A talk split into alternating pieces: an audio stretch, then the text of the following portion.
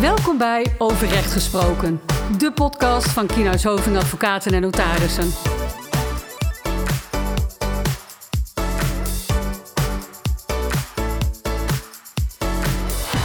Welkom bij een nieuwe podcast. De podcast over recht gesproken van Kienhuis Hoving Advocaten en Notarissen.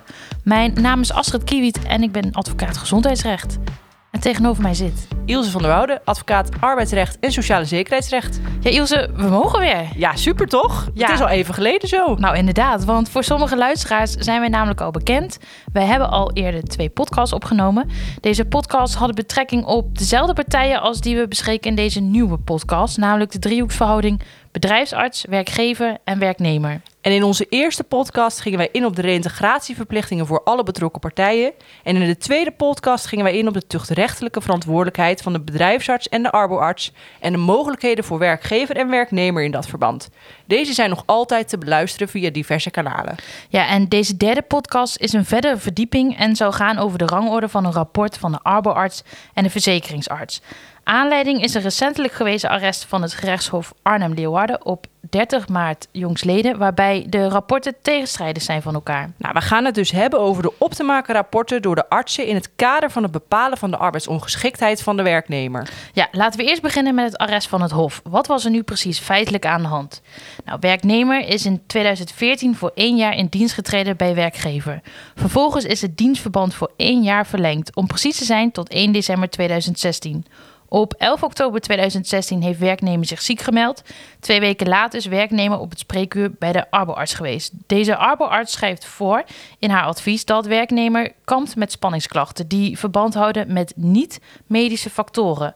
De arboarts acht de werknemer daarom niet arbeidsongeschikt. Werknemer heeft daarop volgend een deskundige oordeel van een verzekeringsarts van het UWV aangevraagd.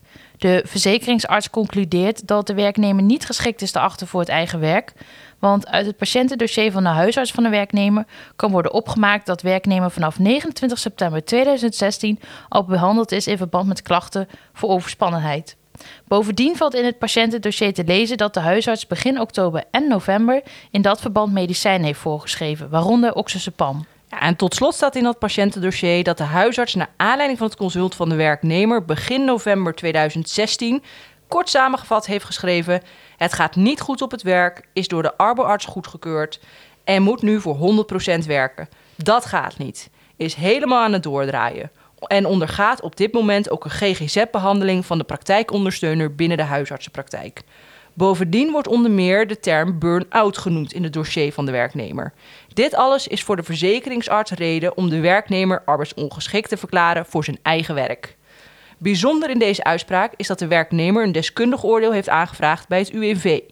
De werknemer heeft doorgaans twee mogelijkheden om het advies van de bedrijfsarts te laten beoordelen. Namelijk het deskundig oordeel van het UWV of een second opinion bij een andere bedrijfsarts. Voor een werkgever staat enkel de mogelijkheid tot het aanvragen van een deskundig oordeel bij het UWV open. Op welke optie kiest de werknemer dan doorgaans? Nou ja, indien de werknemer het niet eens is met het medische oordeel van de bedrijfsarts, staat het de werknemer vrij om een second opinion bij een andere bedrijfsarts aan te vragen. De kosten komen hiervoor voor rekening van de werkgever, waarbij de werknemer de werkgever niet eens hoeft te informeren over dat hij een second opinion heeft aangevraagd. Is de werknemer het niet eens met het advies van de bedrijfsarts over de arbeidsmogelijkheden en de passende reïntegratiewerkzaamheden, dan kan hij een deskundig oordeel bij het UWV aanvragen. De kosten komen hiervoor rekening van de werknemer. De werknemer kan ook ten aanzien van het niet eens zijn met medisch oordeel een deskundig oordeel aanvragen, maar in dat geval komen de kosten voor zijn rekening. Ja, dus hier is inderdaad gekozen voor een deskundige oordeel van uh, de verzekeringsarts door de werknemer. En er liggen dus in dit geschil twee rapporten voor. Eén van de arboarts en één van de verzekeringsarts met een andere conclusie over de vraag of werknemer arbeidsongeschikt moet worden geacht of niet voor zijn eigen werk.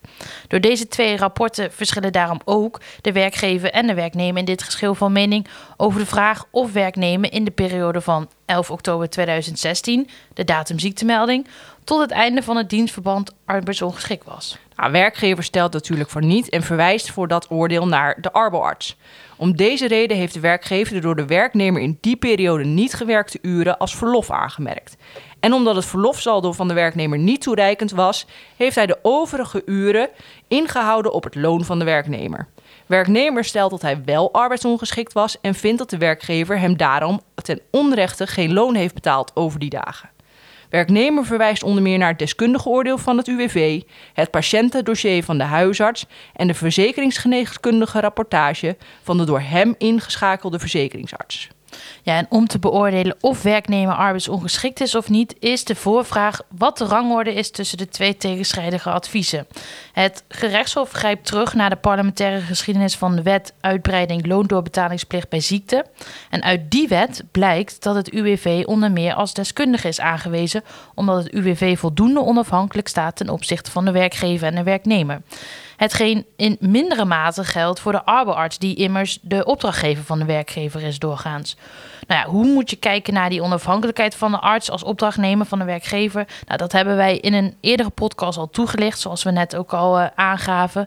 En is in tuchtprocedures een populair onderwerp gebleken. Nou, mochten jullie hier nou meer over willen weten, luister dan zeker ook nog even die podcast uh, terug. Um, nou, om maar verder te gaan met wat het gerechtshof dan zegt. Het gerechtshof merkt nog wel expliciet op dat dit niet betekent dat het deskundige oordeel van de verzekeringsarts per definitie voorgaat op het advies van de arboarts. Maar dat het wel een van de factoren is die meeweegt in het oordeel aan welke medische informatie doorslaggevende betekenis moet worden toegekend. Ja, en in het verlengde van die factoren merkt het gerechtshof ook nog op dat vaststaat dat werknemer niet is gezien door een bedrijfsarts, maar door een arboarts. Ook dit verschil hebben wij dus in een eerdere podcast weer toegelicht. Kort samengevat en goed om te weten is dat een bedrijfsarts een gespecialiseerd arts is op het gebied van bedrijfsgeneeskundige taken. Een arbeidsarts is echter een basisarts. Bij de uitvoering van bedrijfsgeneeskundige taken moet een arbeidsarts daarom onder supervisie staan van een bedrijfsarts. Een arbeidsarts mag zich geen bedrijfsarts noemen in verband met titelbescherming. Het verschil lijkt wellicht minimaal. En ik hoor in de praktijk ook wel eens de opmerking: ach, wat maakt het nou uit? Nou, het maakt wel degelijk uit. En met name voor geschillen zoals we hier nu bespreken, maar ook bij tuchtprocedures. Dat laatste wordt maar weer eens bevestigd in een uitspraak van het Regionaal Tuchtcollege voor de Gezondheidszorg te Amsterdam op 5 februari jongsleden. De arboarts is berispt onder andere omdat hij zegt, zich ten onrechte sorry, ten onrechte had voorgedaan als bedrijfsarts en zich niet heeft laten bijstaan door een bedrijfsarts. Ja, en naast dat het hier gaat om een arboarts en niet om een bedrijfsarts, heeft de arboarts ook geen contact gehad met de huisarts. Dit wilde de arboarts ook niet doen. Dit terwijl de verzekeringsarts van het UWV wel een bedrijf van de huisarts had ontvangen. En verder merkt het Hof ook nog op dat het deskundig oordeel steun vindt in de rapportage van de verzekeringsgeneeskundige en in het deskundige oordeel en in het patiëntendossier. Excuses. Het Hof ziet ook geen overige contra-indicaties tegen het deskundige oordeel van de verzekeringsarts. Dit alles maakt dat het Hof in dit geval meer gewicht toekent aan het rapport van de verzekeringsarts van het UWV dan aan dat van de arboarts. Ja, het of achter werknemer dus arbeidsongeschikt op basis van het rapport van de verzekeringsarts. Werkgever had dus geen geldige reden om de na 11 oktober 2016 niet gewerkte dagen als verlof aan te merken. De werkgever moet het dus niet betaalde loon en de niet genoten vakantieuren met wettelijke rente van 25% vergoeden. Ja, en met deze uitspraak wordt nogmaals duidelijk dat medisch deskundigen in de praktijk van mening kunnen verschillen over de ziekte van de werknemer en dienstmate van arbeidsongeschiktheid. Het gerechtshof maakt hier gebruik van een feitelijke afweging van de rapporten en de onderbouwingen daarvan. Het gerechtshof acht de steun in het patiëntendossier van de huisarts van belang. En op welke wijze deze is betrokken bij het rapport van de verzekeringsarts en dat het niet is betrokken in het rapport van de arboarts. Overigens, ik merk wel op dat bij het UWV het niet de standaard werkwijze is om alle medisch deskundigen van de behandelende sector op te vragen. Indien de verzekeringsarts meent dat zijn eigen bevindingen afdoende zijn voor zijn oordeel, kan het zijn dat de verzekeringsarts deze stukken niet zelfstandig opvraagt. Het is dus een tip om bij elke aanvraag van het UWV de belangrijkste medische stukken mee te sturen, dan wel te betogen waarom deze medische stukken bij de behandelend sector opgevraagd moeten worden.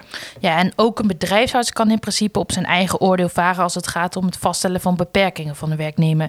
Het inwinnen van informatie uit de behandelende sector is dus geen algemene verplichting. Toch vindt het gerechtshof het in dit arrest deze raadpleging van de behandelende sector wel van belang. Het is daarom goed daar nog iets nader op in te gaan in deze podcast. Nou, de bedrijfsarts heeft onder meer tot taak het bewaken, het beschermen en het bevorderen van de gezondheid van de werknemer. Daaronder valt de taak om te duiden of En zo ja, welke medische beperkingen er zijn voor het verrichten van de werkzaamheden. De bedrijfsarts stelt geen diagnoses buiten zijn eigen medische vakgebied.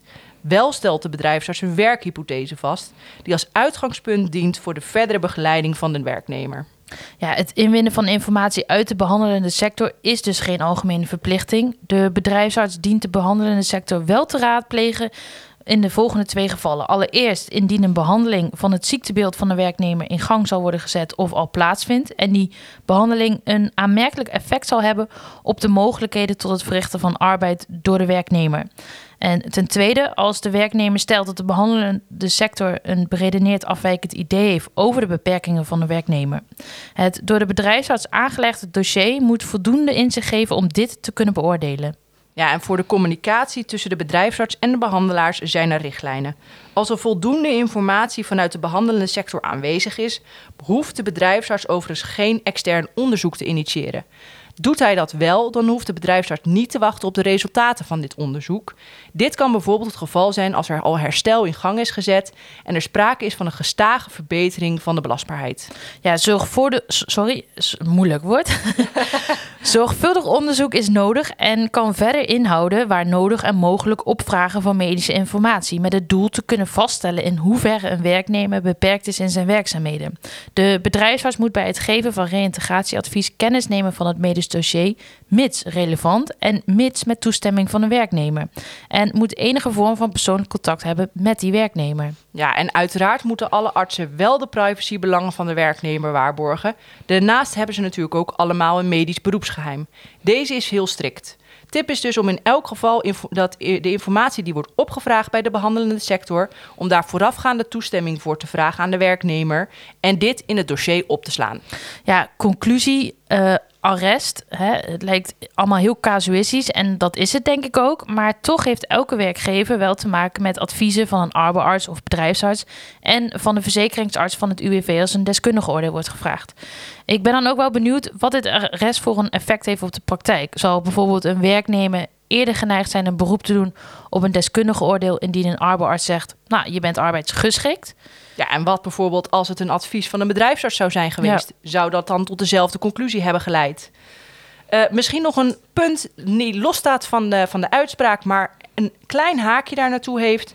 Door het oude kabinet is er een wetsvoorstel ingediend bij de Tweede Kamer, waarin zij bij de via-toets na twee jaar ziekte van de werknemer het oordeel van de bedrijfsarts leidend willen maken.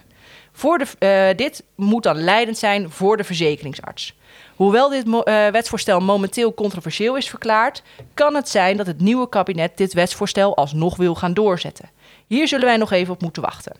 Wel vraag ik me af wat de waarde is van dit wetsvoorstel in het licht van deze uitspraak. Immers, Feitelijk zou dan de situatie kunnen bestaan dat de, uh, tijdens de eerste twee jaar ziekte van de werknemer het oordeel van de verzekeringsarts boven dat van de bedrijfsarts kan komen te staan, bijvoorbeeld door dit deskundige oordeel, terwijl bij de via-beoordeling zelf dat dan niet meer zou mogen. Welke waarde krijgt het deskundige oordeel tijdens de wachttijd dan? Ja, ik ben benieuwd hoe dat gaat lopen. En ik denk ook zeker iets om rekening mee te houden in de praktijk. Nou, en ik denk genoeg voor nu, veel besproken. Uh, over dit onderwerp hebben wij ook een blog geschreven, welke te vinden is op de website van Kienhuis Hoving. Bovendien hebben wij een speciaal ingerichte webpagina met informatie, blogs en een podcast over de driehoeksverhouding bedrijfsarts, werkgever, werknemer.